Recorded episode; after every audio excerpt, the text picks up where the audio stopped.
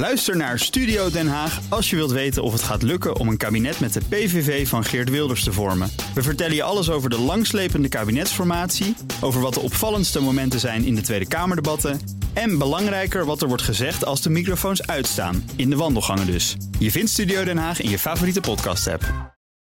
De Nationale Autoshow wordt mede mogelijk gemaakt door Leaseplan.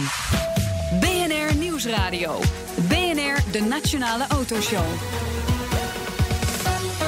Mijn Meindert en Wouter. Vredestein gaat iets nieuws doen. Ze gaan banden direct leveren aan autofabrikanten. Deden ze dat niet? Nee, dat deden ze niet. Nee, dat deden ze nog, nog niet. Maar het gaat nu wel gebeuren. Forse groei, maar levert dat ook wel iets op? Ja, zullen die marges niet heel... Dat zijn afknijpers, hè, die autofabrikanten. Dat lijkt me wel, ja. Dus eh, die moet je, moet je bijna gratis weggeven. Ja. Maar ja, dan zitten ze wel onder uh, affabriek onder een auto. Ja, en dat dat is goed voor, eh, voor het merk. Ja, nou wel, welkom een uur lang alles over auto's en mobiliteit hier op BNR. Meepraten doe je natuurlijk via Twitter, het BNR Autoshow. Vergeet ons niet te volgen. We kunnen het niet vaak genoeg zeggen natuurlijk. Dan mis je helemaal niets. Nee. Straks in deel 2 dan spreken we met Prins Bernard junior, eigenaar van circuit Zandvoort.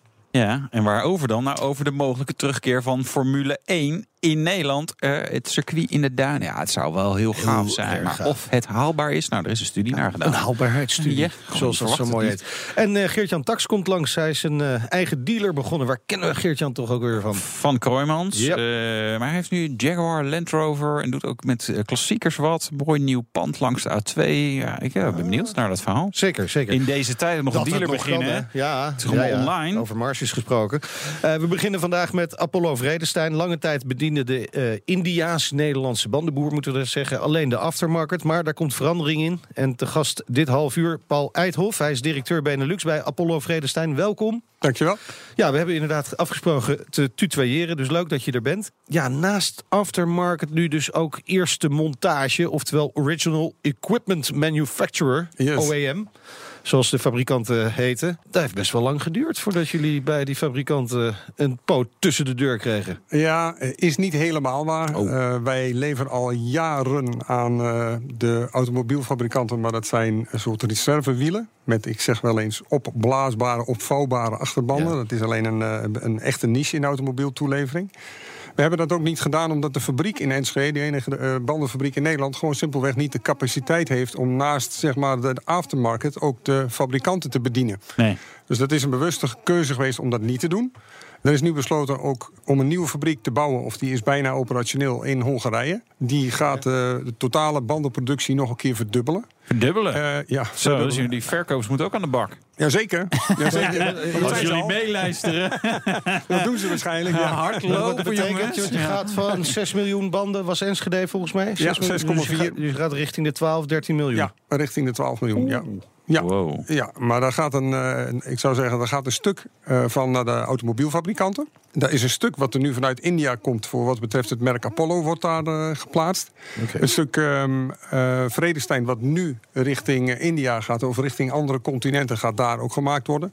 Dus er zit een stukje vulling sowieso al vanaf, vanaf dat stuk. Wanneer moet die, die fabriek weer een beetje vol zitten? Is dat, is, dat, is dat direct of duurt dat een paar jaar? Nou, zo'n fabriek die krijg je nooit, dus ik zou zeggen, van vandaag op morgen op volle capaciteit. Het is gewoon een aanloopcurve. ja. Eh, maar die fabriek die moet over 2,5 à 3 jaar moet die gevuld zijn. En hoeveel gaat dan direct naar de, naar de autofabrikanten? Of, of blijft nog een heel groot deel aftermarket? Nou, een heel groot gedeelte blijft aftermarket. Maar ik, ja, ik, en ik kan je niet exacte, ik mag je niet de exacte getallen noemen. Nee, maar, maar ja, je moet- percentage een redelijk, substantieel Wordt deel. het 50-50? Nee, dat wordt het niet. 60-40? Ja, 70, 30. 80-20? je zit in de buurt.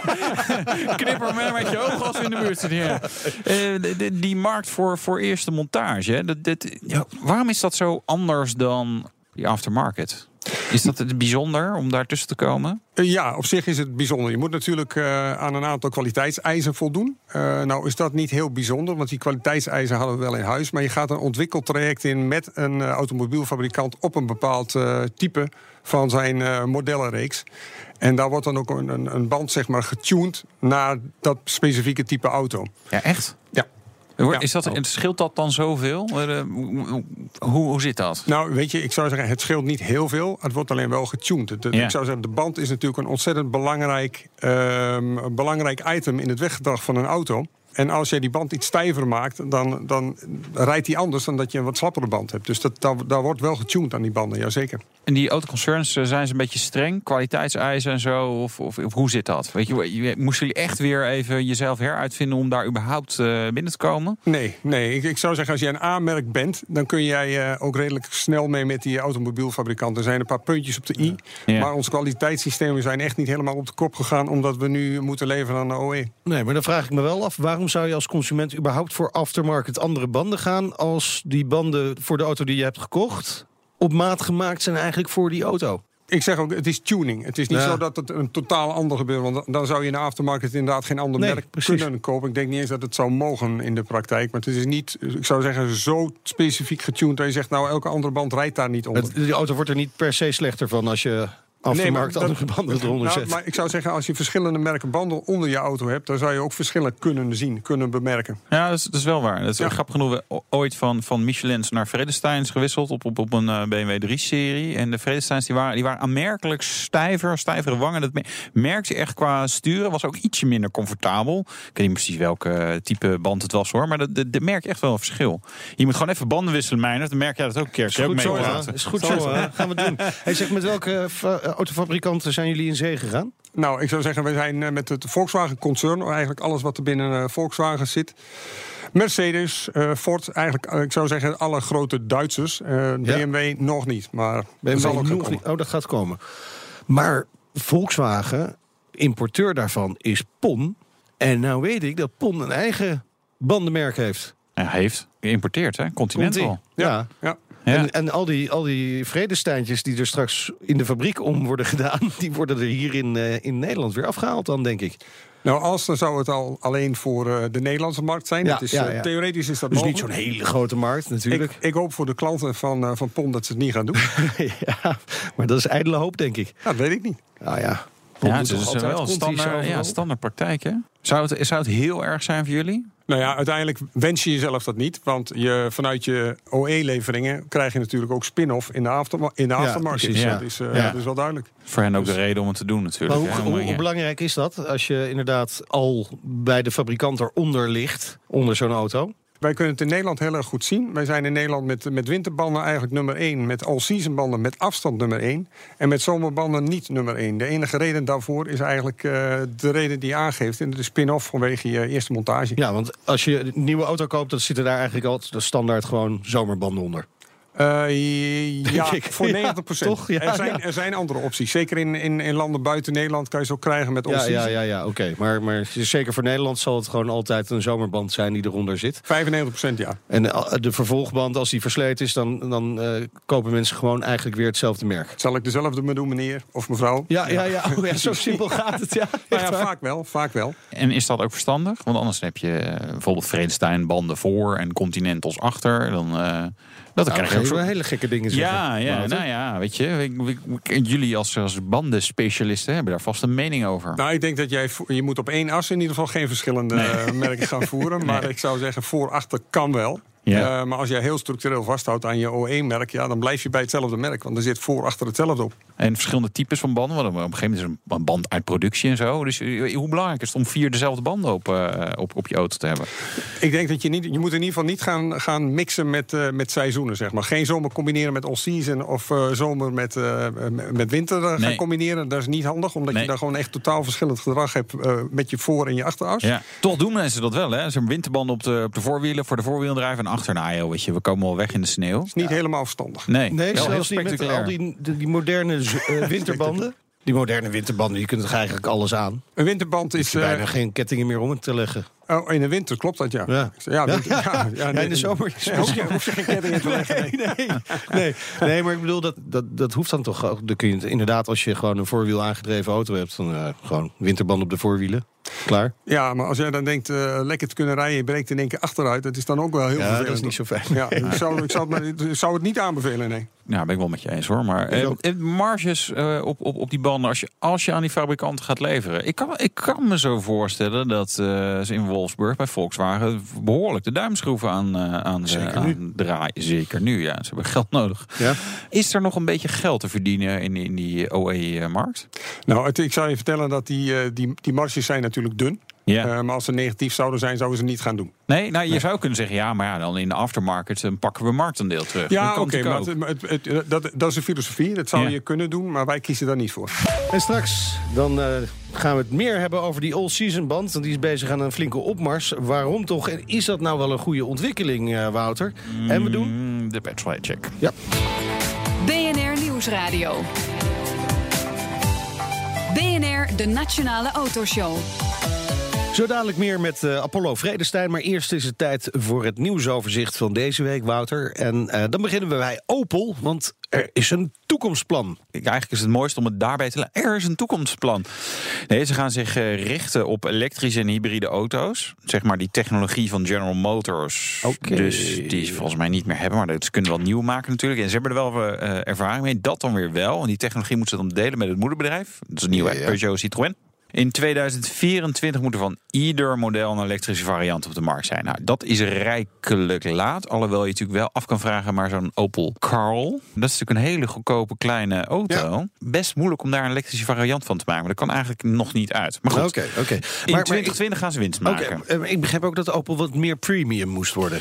Ja, en dat is natuurlijk een beetje zo'n zo'n golfbeweging die zij doormaken. Dan moeten ze weer meer premie, nu en toen weer minder, en nu weer meer. En, en, en, en het botst verder helemaal Nee. niet met DS. Nee, dus oh, ja. ik, ik, nee, ja, ik- precies. Ja. Oh, ja. Hm. Ik, ja, het voelt nog niet heel erg goed, het plan. Goed. Nee. Nou, misschien eh, geldt dat wel voor het volgende plan. Het eh, sluit aan om eh, namelijk de nieuwe normen van de Europese Commissie te halen hè, bij ja. Opel. Ja, in 2030, Oh. hè, dus dat is over 13 jaar, moeten auto's 30% minder CO2 uitstoten. Fantastisch. Ja, fantastisch. En ze gaan eh, investeren in laadinfrastructuur, 800 miljoen euro. Nou, stopcontacten. Iedereen een gratis stopcontact. Yeah, neem je verlengsnoer mee. Lamborghini onthulde de Terzo Millennio. Ja, en dat sluit ook weer aan bij het nieuws van de EU. Misschien kunnen ze daar gewoon eh, Jeetje. 800 van kopen. Dan zijn ze ook wel door hun geld heen. Want eh, de, de sportauto van de toekomst, ja, die is natuurlijk dan volledig elektrisch. Ieder wiel een elektromotor. Ja. Daar kan je natuurlijk wel hele leuke dingen mee doen. Opmerkelijk nieuwtje, de carrosserie kan zichzelf repareren bij beginnende scheur- scheurtjes. Want die worden dan opgevuld met een of ander chemisch eh, dingetje. Dat is handig voor mensen die niet kunnen parkeren. Wat wel jammer is, je mag geen tijd meer klokken op de Nürburgring tijdens de toeristenvaart. Ja, dat is Waarom natuurlijk- Ja, omdat ze, ze willen. Kijk, die toeristenvaart, die moet eigenlijk een beetje zijn dat je gewoon leuk. Je gaat even een rondje doen met je eigen auto op de Nürburgring. Ja, natuurlijk mag je daar hard. En, eh, maar je moet, je moet niet zeg maar het, het ultieme uit je auto willen halen. Iedere ronde weer opnieuw. ja, nu ik dit zo zeg, denk ik, ja, je laat mensen los op een hoor. circuit. Of eh, formeel is het Ja. een eenrichting stolweg, hè? Dus ook met de bijbehorende regels. Jongens, het is een circuit. Ja, het is gewoon een circuit. Ja. Wil je snel tijd eh, klokken, dan kan je naar een echte track day die ze ook hebben. Ja. Het beste wat je kan doen is gewoon, Hey. weet je, laat een videocameraatje meelopen. Dat mocht vroeger trouwens ook niet, hè? Video's opnemen op de Nürburgring. Laat een video eh, opnemen en dan kijk je later terug en denk je, oh, nou, die bocht had ik even iets beter gekund. En nou ja. Overigens, eind december dan gaan wij een special maken over de Nürburgring. Dus Ja. dat wordt leuk luisteren. Ja. Tot slot, eh, wil jij het nog hebben over de BMW M3 CS of de nieuwe Corvette ZR1? Nou, doe dan maar de M3 CS. Ik heb Oh. deze week met de M4 CS gereden trouwens. Twin Power Turbo 6 in line. Fijn apparaat. Vanaf januari te bestellen, 1200 exemplaren. Dan de ZR1, dat wordt 750 pk. Ja, doe daar mocht je het niet over hebben. Nee, oh sorry. Dus, De Petrolhead Check. ja, die doen we natuurlijk ook met de Benelux-baas Paul Eidhof van Apollo Vredestein. Ben je er klaar voor? Ik ben er helemaal klaar voor. Aan welke auto denk je met de meeste weemoed terug? De meeste weemoed is mijn eh, Audi Coupé S. Dat was een, eh, een eh, mooie import met een nieuw kenteken. Die paste eigenlijk niet helemaal bij mijn leeftijd. Dus ik reed eigenlijk voor mijn gevoel als studentje met een veel te dikke auto. Ja, maar Trots de, als een de, pauw.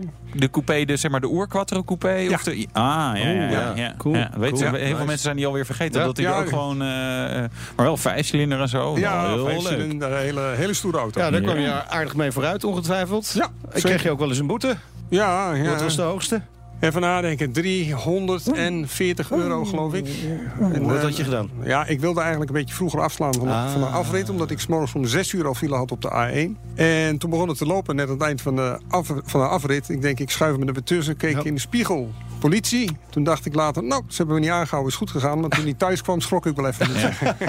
Klein stukje vluchtstrook dus Ja. mee. Ja, ja, Ja. ja, ja, dat, ja, dat is wel lullig. Maar ja, het is aan de ene kant terecht. Ja, en duur. Ja. Eh, is er nog een auto waar je enorme spijt van hebt... dat je daar eh, in hebt rondgereden? Of hem hebt gekocht? Of hebt gekozen? ik heb een, ehm, mijn eerste leaseauto was een Fiat Tempra. Verlaagd. Eh, en ik moet zeggen, Fiat Tempra we gingen van de Audi Coupé S naar de Fiat Tempra. Ja, lease, hè. Ja. Een beginnende lease rijden. Dus Ja. Nou ja, dan is het dit is het niet helemaal de instapper bij Fiat. Dus Nee, dat is ook- dat komt Nee, nee, nee. nee. En, hij, en hij was verlaagd en hij had een eh, hele mooie gasinstallatie. Ik moet zeggen, dat was geen onverdeeld succes. Als ik s'morgens mijn auto startte, moest ik eigenlijk een beetje onder het dashboard kruipen... omdat hij 9 van de 10 keer explodeerde. En de leasemaatschappij, van de backfires, de leasemaatschappij was er zo flauw van. Die heeft uiteindelijk gewoon de luchtfilters maar weer in elkaar laten plakken iedere keer. Dus, eh, Oh, heerlijk. En in Haarlem een keer, de, eh, omdat hij zo mooi verlaagd was... ergens bij een klant van mij eh, met mijn karter op de, op de poer van het hek... eh, de kattenpan er onderweg gereden. Dat was ook niet... eh, dus dat was niet fijn. Ja. En de Enorm banden? succes. Ja. De banden, zat het wel goed daarmee? Met die Fiat Tempera. Ja. Nou, dat, dat is het grappige. Eh, daar heb ik een keer banden gewisseld van dezelfde maat. Maar die liepen dus aan bij Nee. die Fiat Tempera. Ja, dus de banden van dezelfde maat zijn ook niet altijd identiek. Nee. Er kan ook net Nee. een paar millimetertjes Dat in had je ook kunnen vertellen, ja. Ja. zit een verschil tussen. Dat ja. wist ik toen nog niet. Nee, Maar nee, geen vredesteintjes. eh, Nee, zeker. Continentals, denk ik. nee. Uitmuntend. Uitmuntend? Ja, jawel. Ja. Ja. die Audi Coupé, die deed het Ja, toen, precies. Die ging er wel echt voor. Ja. Ja, mooi. Ja. Ja, dat is leuk. Dat is een leuke auto. Zeker. De Petrolhead Check met eh, Paul Eithoff, directeur van Benelux eh, van eh, Apollo Vredestein. We hebben deze week de eerste koude nachten met vorst achter de rug. Ik hoorde al de eerste mensen krabben toen ik nog lekker in mijn bedje lag. het is tijd van het jaar om te wisselen, hè, van zomer naar winterbanden. Heb jij het al gedaan, Wouter? Op één van je auto's, je wagenpark? Nee, ik heb nog geen eh winterbanden voor mijn eh, BMW. Maar ik denk achterwielaandrijven 320 pk. Dat gaat helemaal goed komen op zo'n joh. Oh, nee, ja, ik, heb ze nog niet. Nee, dus ik, niet. ik- ja, moet Oh. wel iets, eh, iets, Ja. iets gaan roggelen, ja. Ja. ja. En Ja. jij? Ik heb ze wel. Maar Ja. je hebt ze nog niet Nee, eronder? nee, Oh. nee, nee, moet kijken man. Ja, het is mooi weer. Zonnetje schijnt. Ja, het is nog niet nodig. Of hadden we al wel moeten wisselen? Wanneer moet je wisselen? Nou, ik zou niet, in ieder geval niet wachten tot het eerste sneeuwbuitje. Want er Nee. staan er een paar voor je, denk ik. Ja, dat, Dat is is- wel zo. En dan wordt het echt druk. Dan wordt het heel druk, ja. Ja. Dan, eh, weet je, d- d- dan moet je wachten. Als Bij het, mijn eh, garage zijn allemaal van die brave Volvo-rijders. Die, die, die hebben het allemaal. De eerste maanden is het vol omdat ze allemaal de eerste willen zijn. Oké, die het gaan eind van de zomer al waarschijnlijk. Precies. nou, echt begin november. Volgens mij eh, echt direct. Nee, zoals eerder zelfs. Oktober al. Ja. Ja. Nou ja, weet je, in oktober kan het sneeuwen. Dat doet het niet vaak in Ja, Nederland, maar, kan maar wel. gaat het dan alleen maar om sneeuw met winterbanden? Het gaat toch ook om temperatuur? Nee, het gaat in principe onder de 7 graden. Is een winterband, eh, ik, ik zou zeggen, die, die, die, dan, die, die is dan beter dan een zomerband eigenlijk op alle fronten. Ook, regen en zo. Ook regen, ja. ook droog, onder de 10 graden. Heeft alles te maken met de rubbersamenstelling en het, en het profiel. Maar we kunnen ook kiezen voor het beste van twee werelden. En veel mensen doen dat tegenwoordig. Eh, die rijden gewoon het hele jaar door met all-season banden. Ja. Dus bij jullie ook? Wij zien de, de all-season markt eh, verdubbelen in de afgelopen vier jaar. En ik denk dit jaar komt er weer een keer 20% bij. Dus die all-season markt die, eh, die wint zeker terrein. Eh, waar een all-season band wel een compromis blijft. Het is niet Ja. echt het beste van beide werelden.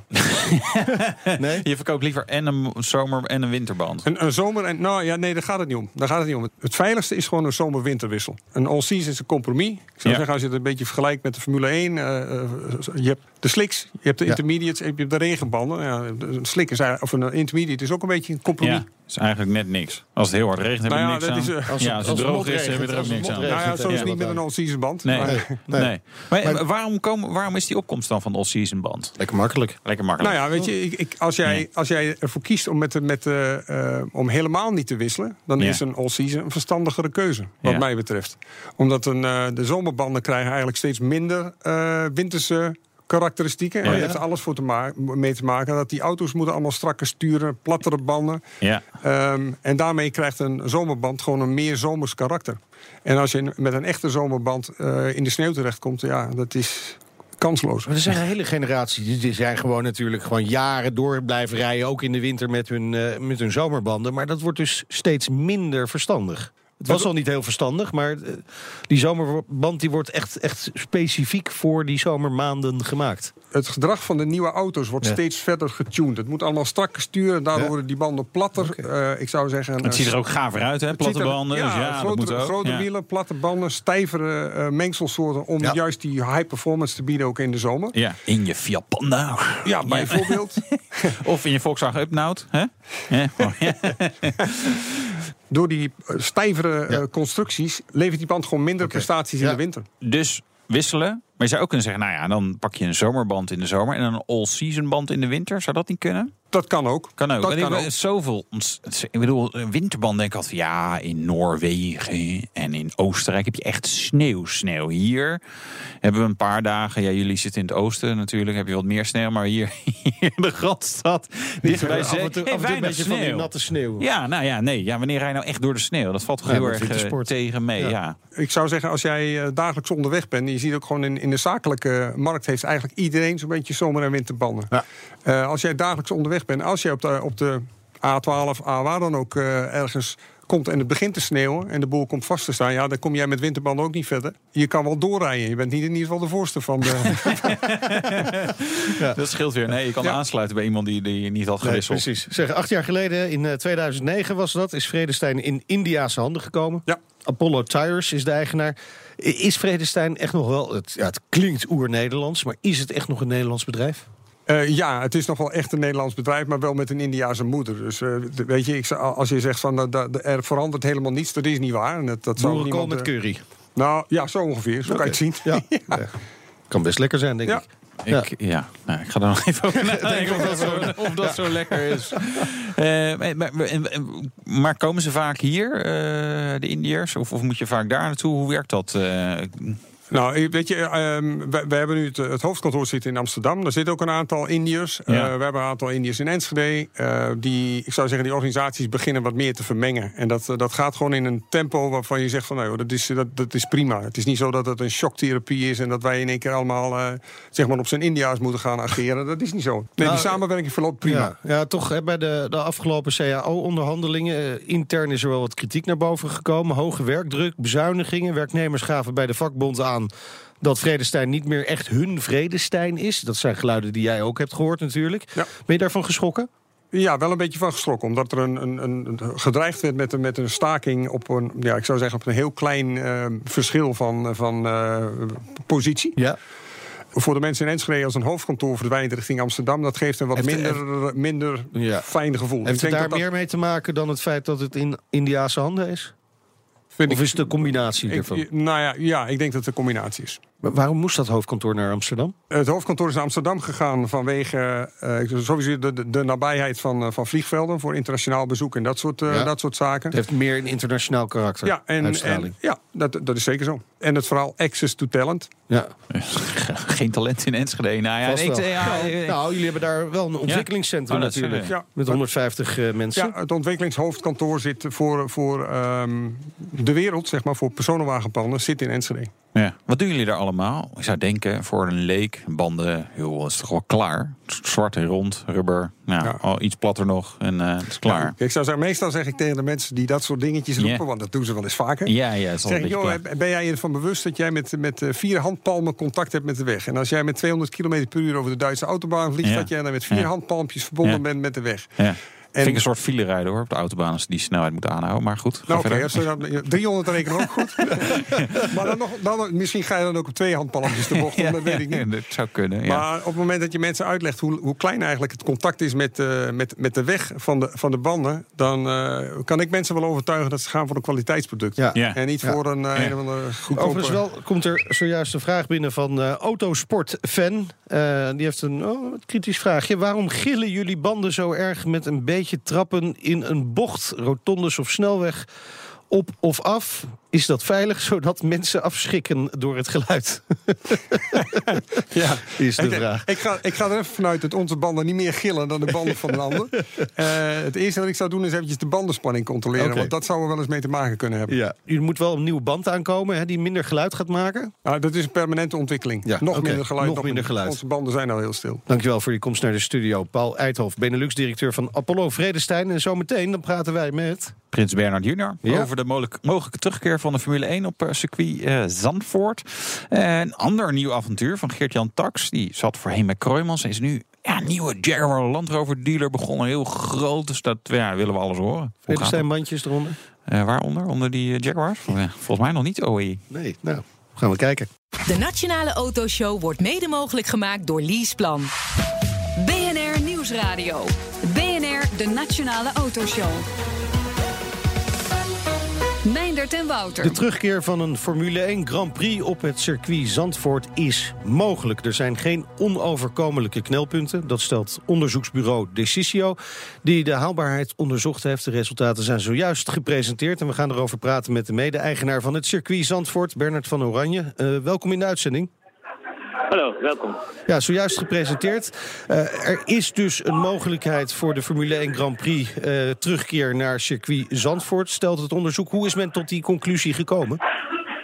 Nou ja, en dat, eh, we zijn begonnen om samen met de gemeente te kijken van is het haalbaar? En dat heeft te maken met de impact, dus van financiën. En het heeft te maken met haalbaarheid qua logistiek, qua baan en infrastructuur en dat soort zaken. Nou, dat hebben we aan een onafhankelijk bureau, de CCO, die ook veel voor de overheid en dat soort zaken doen, die opdracht gegeven. En daarmee eh, het komen tot een business case van eh, hoe werkt het, eh, wat is er voor nodig, eh, wat zijn de opbrengsters, welke scenario's zijn er. En eh, daar hebben we nu een eerste stap in genomen. En daaruit blijkt inderdaad dat er geen. Dat er nog een heleboel hobbels eh, te nemen zijn, maar Ja. dat het in ieder geval eh, het mogelijk ook is. Ja. En hoe is het draagvlak bij, eh, ja, in de gemeente en bij, bij ondernemers in, in, in Zandvoort en in de omgeving? Hebben die daar ook een beetje zin in? Nou, kijk, we hebben het samen met de gemeente gedaan. Ik denk dat dat wel een hele mooie een bruggetje is. Kijk, het circuit en Zandvoort werken heel veel samen. Als zij een historische Grand Prix hebben, doen we paraden door de stad. En eigenlijk zoekt het onderzoek toont natuurlijk ook aan dat ja, er zit voor de hele, met name de omgeving hier in Zandvoort, is het een, een enorme motor. En ook als je kijkt naar de naam Zandvoort zelf, eh, de bekendheid wereldwijd, zit uit die laatste Grand Prix van eh, 30 jaar geleden. En eh, wij werken heel goed samen in die zin met, eh, met, eh, met de lokale ondernemers. En ja, je hebt elkaar allemaal nodig in die zin. U, u geeft aan dat er nog wel heel wat hobbels genomen moeten worden. Een van die hobbels is het circuit zelf. Daar moet het een en ander aan veranderd gaan worden. Wa- wat houdt dat in en wat gaat dat kosten? Nou ja, kijk, er zijn twee zaken. Eén is de VIA en die bepaalt waar moet een Formule 1 circuit aan voldoen. Ja. Eigenlijk, als je kijkt naar Zandvoort in de huidige staat, zijn wij een Grade 2 circuit. Dat betekent dat alles tot en met testen Formule 1 kan bij ons. Dus eh, daaraan zitten we eigenlijk aan de ene hoogste standaard. En dat zie je eigenlijk ook al doordat we DTM bijvoorbeeld hebben. Eh, dat is binnen Europa. Na Formule 1 het grootste wat er is. En dat rijdt op eh, Zandvoort. Eh, dus die aanpassingen echt op het circuit zijn best wel beperkt. En dan moet je bijvoorbeeld denken aan uitloopstroken van asfalt eh, in plaats van grind. Misschien enkele bochten wat licht aanpassen, maar dat is zeker beperkt. De belangrijkste investeringen zitten er eigenlijk vanuit de wens vanuit Formule 1-organisatie. En die gaat over de pitboxgrootte, de lengte van de eh, de mate welke hun trucks erachter moeten kunnen, dat soort zaken.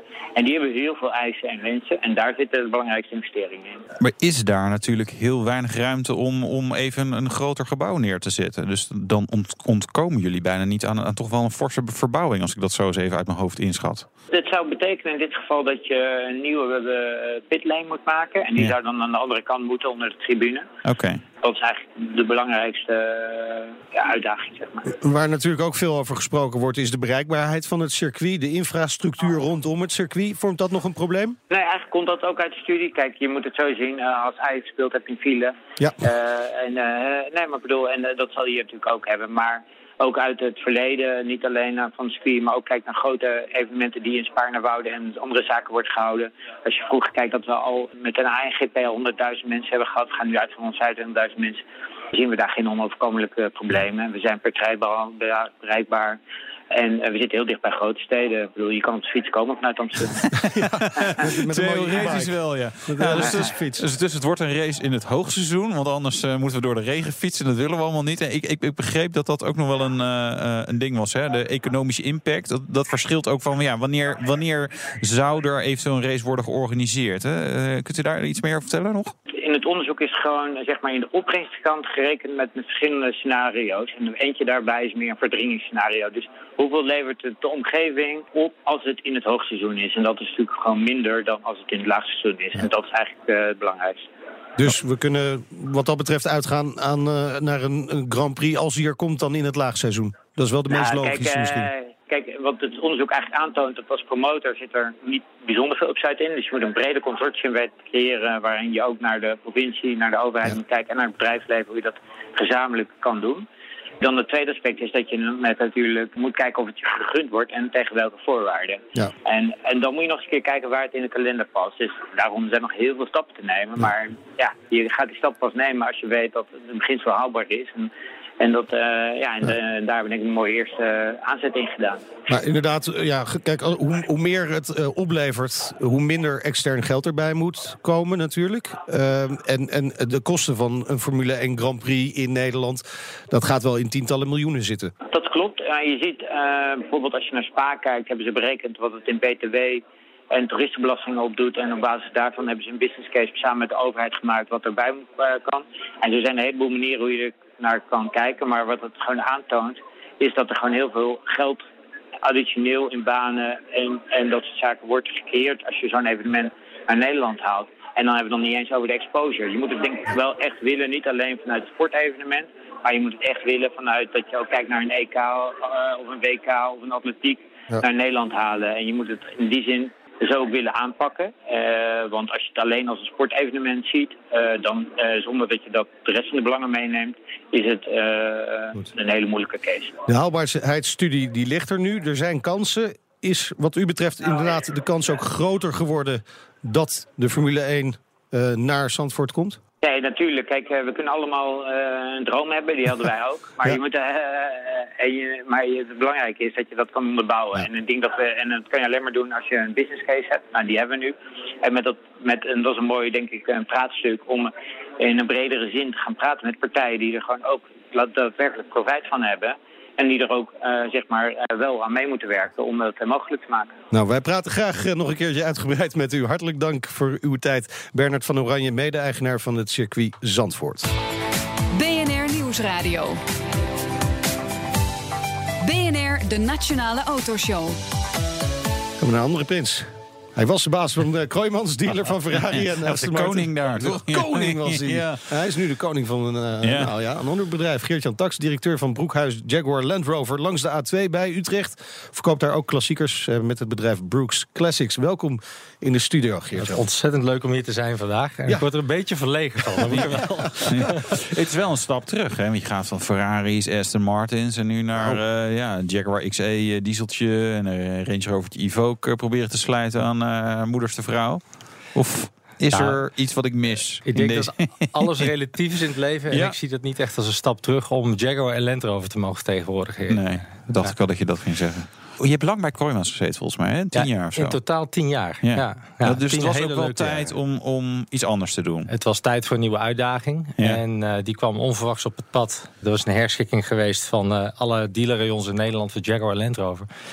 En ja, heel eerlijk, mijn eerste liefde is eigenlijk altijd zijn die twee merken geweest. Ja, want je band met met name het merk Land Rover gaat echt tot ver terug. Hè? Je, hebt, Ja. je hebt iets meegenomen om dat te illustreren, begrijp ik? Ik heb een foto bij me uit eh, 1979. Daar zit ik als jongetje van drie op de motorkap van een eh, Range Rover van de Rijkspolitie.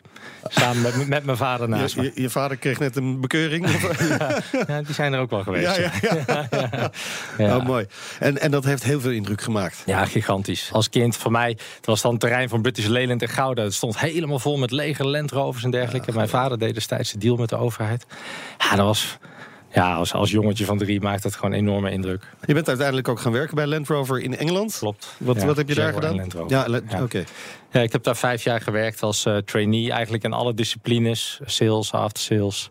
Eh, nog een, een jaar in het Midden-Oosten gezeten. Geweldige tijd gehad. Ja, Midden-Oosten, ja, daar horen die dingen natuurlijk. Land Rovers door de woestijn heen gereden. Ja, doen ze het goed daar? Geweldig. Ja. Ja.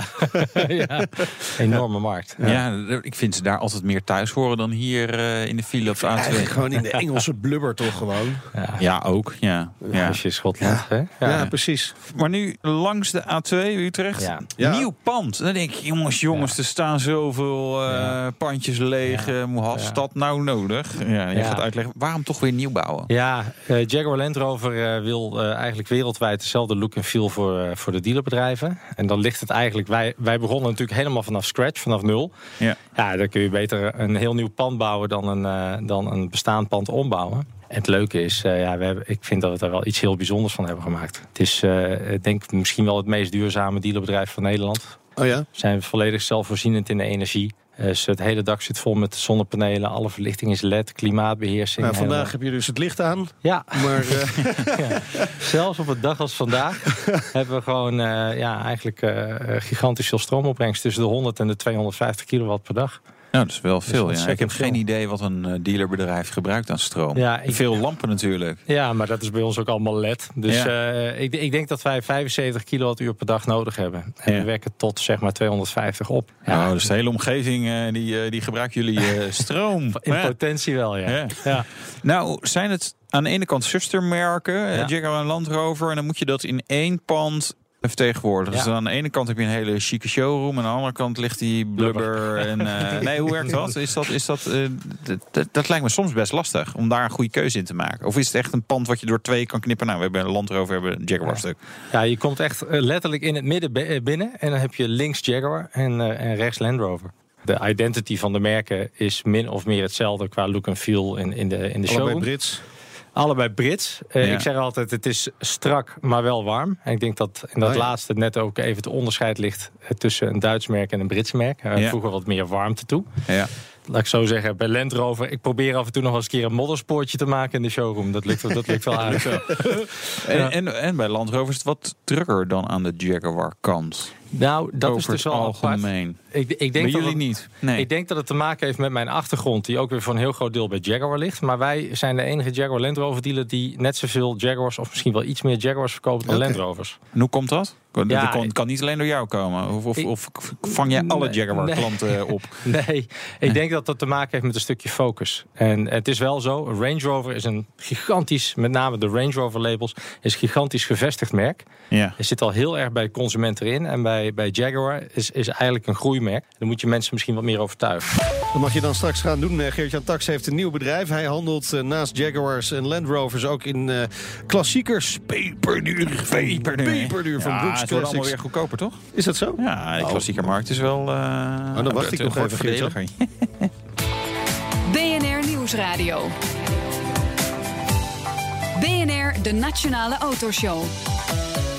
En onze gast Geert-Jan Tax, directeur van Broekhuis Jaguar Land Rover. Nieuw pand staat langs de A2 bij Utrecht. eh, nu een ruim een maand open.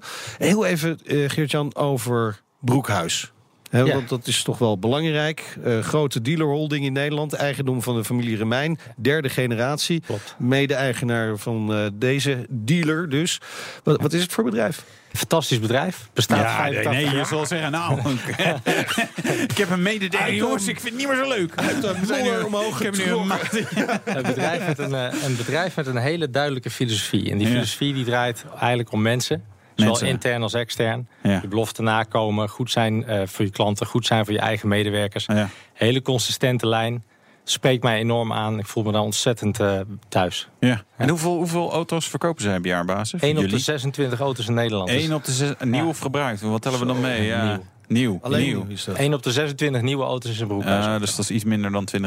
Ah, ruim En jij gaat er 1 op de 20.000. 25 van maken. Ja, wat voor ambities heb je met... eh, je Nou, bent dus al ja. Jaguar, score je als een dolle. Ja, Dus, Jaguar, Jaguar. Jaguar zijn we eigenlijk in een hele korte tijd eh, heel groot geworden. Een Ja. eh, heel, heel hoog marktaandeel. Eh Land Rover behoren we ook al tot de grotere dealers. Zeker wel voor startende onderneming. Maar dat klinkt misschien gek, dat is niet het doel op zich. Wij willen gewoon iets heel bijzonders neerzetten. En eigenlijk mijn missie is om daar het beste Jaguar Land Rover dealerbedrijf van te maken. Ah, god. Ja. Ja. Ja. Ja. En hoe word je dat? Met het team, met een heel goed team van mensen om je heen. Ja. Die gewoon allemaal uitermate gemotiveerd zijn en op één lijn liggen. Ja. En ik heb een hoop collega's waar ik al heel lang mee werk. En dat, eh, ja, dat werkt ontzettend prettig. Je bent pas een maand open. Je hebt een hoop collega's waarmee je al een, al een tijd werkt. Ja, nou, we zijn een jaar geleden begonnen in Ja. Houten. We zijn een maand open in het nieuwe pand. Maar eh, ik heb een, een hoop eh, mensen om me heen die, waar ik vroeger ook mee heb gewerkt bij Ja. Kooijmans. Oké, en die, kwamen, die, die wilden specifiek met jou mee. Ja, Vonden ze bij Kroijmans misschien wat minder grappig? Of viel dat, nog wel mee? ik, ik weet het niet. Ja. Ik denk dat dat... Maar waar de ene deur open gaat, gaat de andere deur dicht van de zwam, toch, Meiners? Zo is dat. Zo is Ja. dat.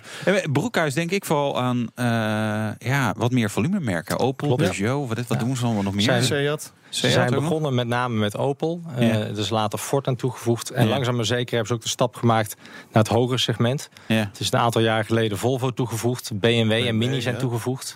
oké. En eh, ja, nu Jaguar Land Rover.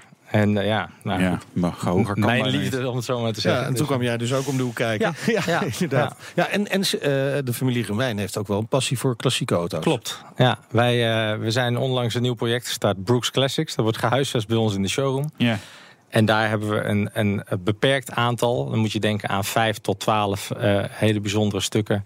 eh, klassieke auto's van hoge kwaliteit staan. Waaronder een bijzondere Land Rover. Ja, we hebben een van de allereerste. Ja, daar ben ik erg. Die is overigens niet te koop. Oh. die zit in de permanente collectie. Maar we hebben een van de oudste Land Rovers eh, gevonden. Eh, het allereerste jaar van productie. En het bijzondere is, die auto is nog helemaal origineel, ongerestaureerd. ja. Fantastisch mooi. jaar Lekker was met patina. Eerste jaar productie? Ja, 1948. 1948 is het eerste jaar productie, ja. Deze is dan van begin 49, maar toen was de Ah. fabriek was net een paar maanden bezig. Nummer 3000 is het. Nummer 3000. Ja, Waarom klassiekers erbij? waarom? Omdat Ja, het, eh, waarom? eh, het is voor een Je deel... had niet een- druk genoeg met, eh, met twee merken Jawel, nieuwe maar auto's verkopen. het is net- even- Ja. Ik denk dat dat net even dat stukje extra vakmanschap is. Ja. Het is. Het is een persoonlijke passie van mij en van de familie Remijn. En van een aantal technische mensen die bij me werken. Ik vind het fantastisch om aan die auto's te werken. Eh, het mooie aan een klassieker is, een klassieker vertelt zijn eigen verhaal. Iedere auto is uniek. Het is altijd een uniek stuk. Ja. Er is geen tweede van. En alle bedrijven zijn er om commercieel te zijn. Maar het is voor ons ook, eh, laten we zeggen, een stuk eh, uithangbord voor wat wij kunnen binnen Broekhuis. Je kunt bij ons terecht voor bedrijfsauto's, voor leaseauto's, voor van alles en nog wat. Maar je kunt ook bij ons terecht voor je passie en voor hele specialistische Ja. kennis.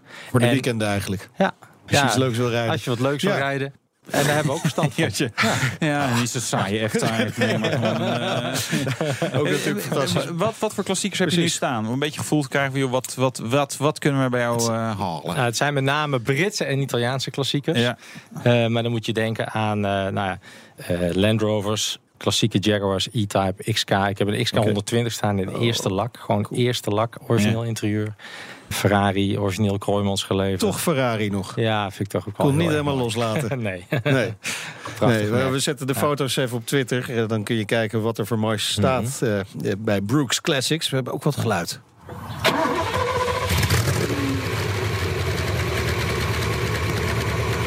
Is dat precies die Ferrari, hè?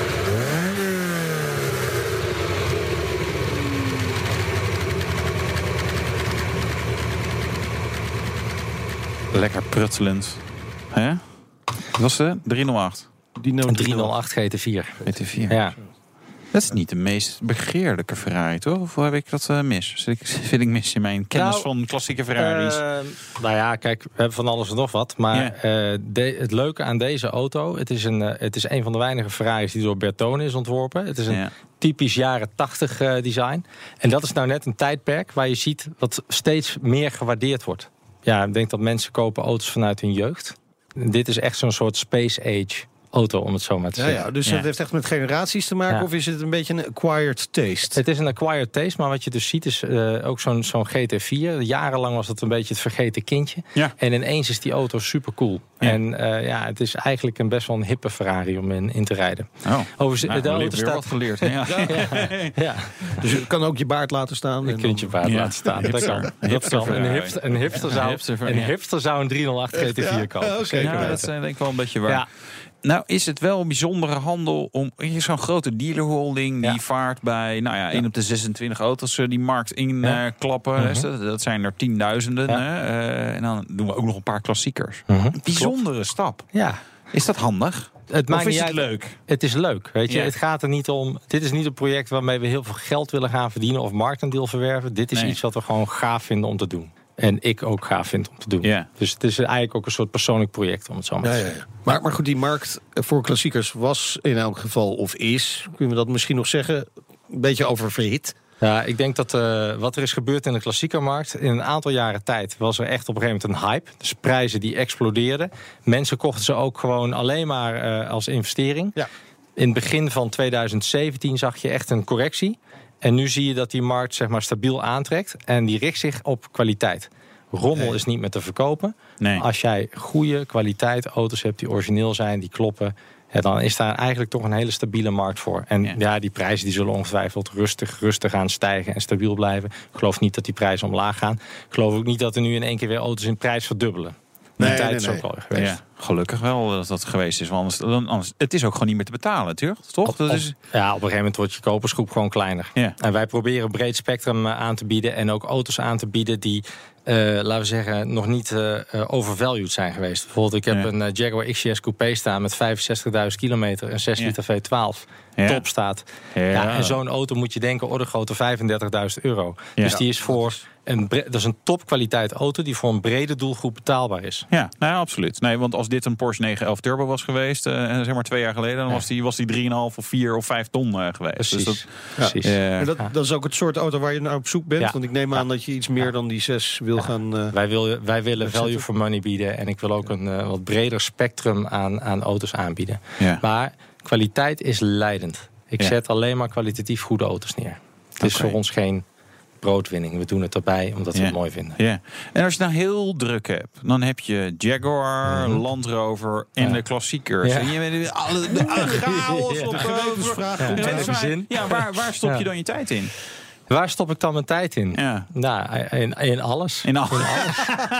En, Nou, en ook in mijn zoon, mijn zoon ook. Ja, Ja, heel ja, belangrijk ja. voor me. Nee, maar ik kan me best voorstellen. Dat zijn dingen die. Versterkt het elkaar of is het, is het, eh, bijt het elkaar? Voor mij versterkt het elkaar. En weet je, ik doe het al tien jaar, dus dat helpt ook. Er ik nog speciale klassiekers op het verlanglijstje? Het is Ja. bijna Sinterklaas, dus... Ja, nou ja. Ik heb, ik heb een hele brede... Ik heb een hele hoop droomauto's. Zo'n Range Rover in politiespec. Die heb ik eigenlijk nog nooit zou- gezien. Dat zou wel mooi zijn. Als zo'n auto ooit een keer op mijn pad zou komen. Nou hoor. ja, Nou, ja, als je er een hebt staan. Je weet waar je moet zijn. Dank voor je komst naar de studio en heel veel succes. Geert-Jan Tax, de baas van Broekhuis Jaguar Land Rover en Brooks Classics. Wouter, volgende week zijn wij er natuurlijk weer. Ja, dan hebben we ook iemand te gast. Misschien wel twee mensen te gast. Je weet het niet. Dan gaan we ook weer eens rijden in een auto. Ja. En tot die tijd kan je ons volgen via Twitter, Facebook, Instagram. Je kan de uitzending downloaden via de podcast, Spotify en de BNR-app. En als je tips of vragen hebt, dan kan je mailen naar autoshow.bnr.nl. En dan krijg je antwoord zie- van Nout Broekhoff Ja, en ik zie op Twitter toch wel wat mensen die twijfelen over de kansen van Zandvoort. Niet twijfelen, 1. gewoon ervoor gaan. Ervoor gaan.